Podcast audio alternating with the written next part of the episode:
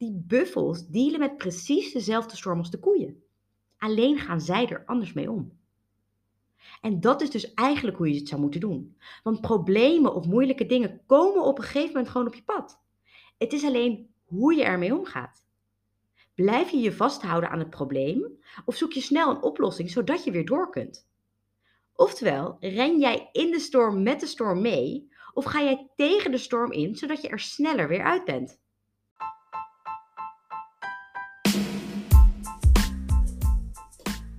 Welkom allemaal bij Geluk is een Keuze, de podcast voor vrouwen die meer uit hun leven willen halen. Ik ben Pauline Hendricks en in deze podcast deel ik tips, tricks, motivatie en inspiratie die jou gaan helpen om je gelukkigste leven te leiden. Geluk is geen eindbestemming, geluk is een keuze. Een keuze die je elke dag opnieuw kunt maken. Let's dive in!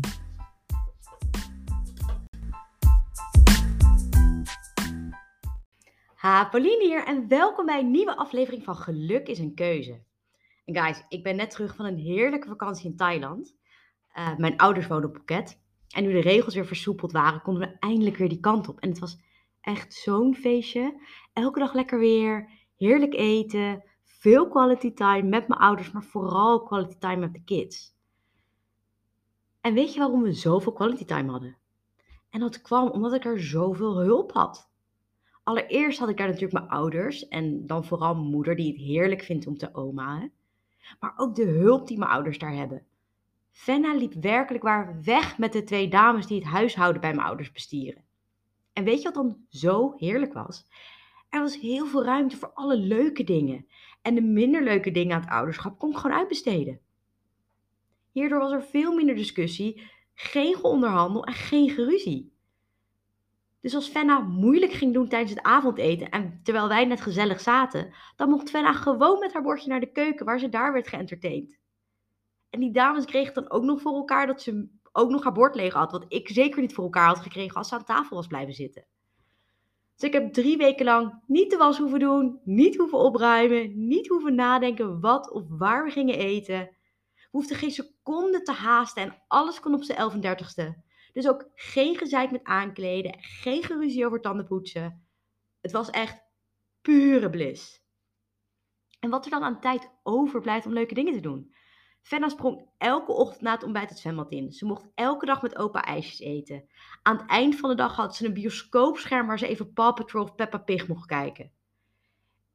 Ik had tijd om haar nagels te lakken, de hele dag liedjes te zingen, te zwemmen, te dansen, grappen te maken. De leuke dingen. Dus je hoort het, het was echt feest. En nu weer thuis en terug naar dezelfde vaatwasser uitruimen en de was doen en koken en boodschappen doen en de hele rambam. Maar wel weer volledig opgeladen. En dat is maar goed ook, want officieel is mijn zwangerschapsverlof voorbij. Maar omdat we nogal een crashprobleem hebben, kan Liv pas vanaf 1 juni naar de crash. Dus ja, ik doe het de komende tijd nog even rustig aan. En dat vind ik stiekem ook wel lekker, want met Fenne had ik ook 5,5 maand verlof. En daar heb ik zo van genoten. Dus helemaal heerlijk om op halve kracht aan het werk te gaan. Ook omdat Liv eindelijk een beetje gezellig is. In die zin dat ze echt contact aan het maken is. En er komen leuke geluidjes uit.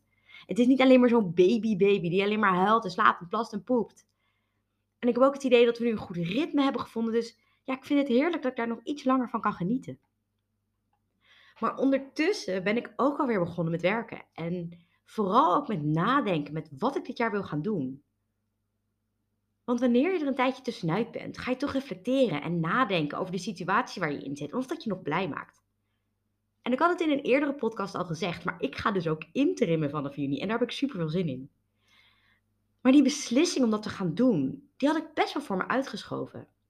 Want nou, in eerste instantie wilde ik de eerste weken van mijn lof helemaal niet nadenken over alles wat niks te maken had met voedingen en dutjes en luiers. En nou op een gegeven moment kwam daar langzaamaan meer ruimte om me weer te oriënteren van hè, waar sta ik en ben ik nog wel op het juiste pad ik was al een tijdje aan het worstelen of ik nog door wilde gaan met het coachen en het maken van online cursussen. Of dat het gewoon een mega gaaf jaar is geweest waarin ik dit heb mogen doen.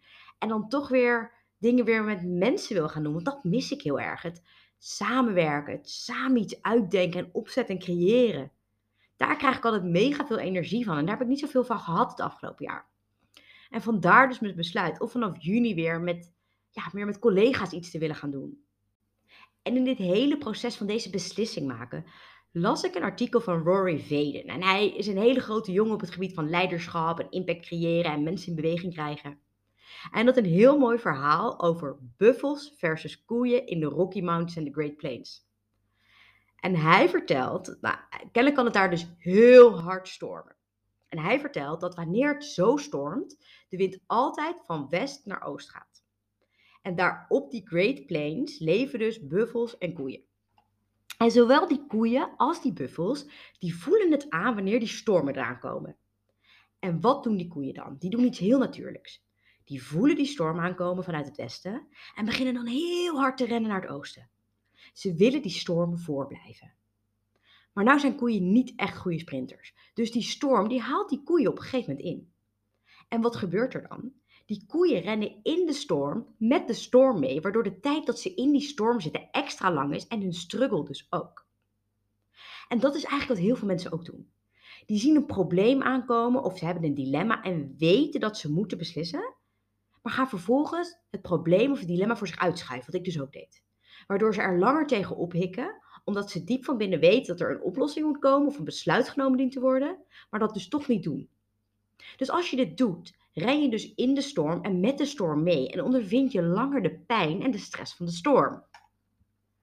Maar die buffels daarentegen, die doen iets unieks in de dierenwereld. Want wat zij doen, zij wachten de storm af. Ze voelen hem aankomen en wachten dan. En als die storm heel dichtbij is, gaan ze ook heel hard rennen. Maar niet met de storm mee, zoals de koeien doen, maar tegen die storm in. Want die buffels weten dat ze niks aan die storm kunnen doen, want die komt er immers gewoon aan. En ze weten ook dat ze niet snel genoeg zijn om die storm eruit te rennen. Dus die gaan keihard rennen tegen de storm in. En omdat de storm in tegengestelde richting raast, rennen die buffels dus veel sneller uit de storm aan de andere kant en hoeven zich daardoor veel minder lang in te spannen om die storm te doorstaan. Die buffels dealen met precies dezelfde storm als de koeien. Alleen gaan zij er anders mee om. En dat is dus eigenlijk hoe je het zou moeten doen. Want problemen of moeilijke dingen komen op een gegeven moment gewoon op je pad. Het is alleen hoe je ermee omgaat.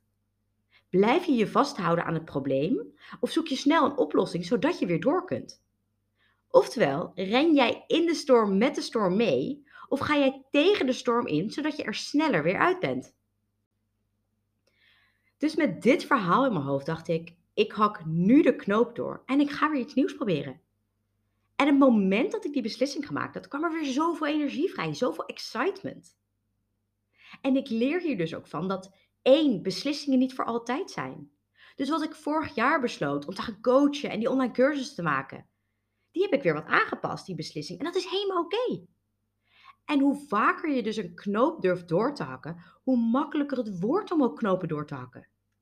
Om sneller of snel beslissingen te nemen. Want hoe vaker je een beslissing maakt of een probleem niet uit de weg gaat, hoe makkelijker dat wordt. Want bij elke keer dat je het doet, leer je weer. Zodat je het de volgende keer beter doet. Zodat je de volgende keer niet meer bij nul begint, maar je begint met ervaring. En dat is dan ook de tweede storm en de tweede struggle die ik met je wil delen. En dat is dus dat ik nu nou, twaalf weken geleden ben bevallen en ik ben mijn krachttraining en mijn conditietraining weer aan het oppakken. En wat ik heel leuk vind om te doen, zijn inversion trainingen. Dus handstanden, headstands, shoulder stands. Eigenlijk alles waarbij je ondersteboven staat. Maar ik was er dus mee gestopt toen mijn buik ging groeien. En dat ben ik dus nu weer aan het oppakken. En het liefst wil ik het gewoon weer oppakken waar ik gebleven was. Dus ik wil gewoon weer kunnen wat ik een jaar geleden kon. Maar jammer de bammer, voor mij werkt dat niet zo. Want ik ben echt lang niet meer zo sterk en lenig als ik was. Dus ik moet het weer helemaal opbouwen. En aan de ene kant baal ik daarvan. Maar aan de andere kant geniet ik ook van het proces. Want het proces gaat sneller, omdat mijn lichaam nog weet wat het moet doen. Ik ga veel sneller vooruit dan toen ik met handstanden begon, toen ik dat begon met leren. En dat komt omdat ik weer begin, maar nu met ervaring. Ik weet de techniek. Mijn spieren hebben geheugen, dus die bouwen zich snel, veel sneller weer op, waardoor ik sneller vooruit ga. En ja, ik baal dat ik mezelf nog niet in een pretzelpose kan zetten, maar ik geloof ook dat het gewoon een, een, een reis is waar ik nu weer doorheen moet.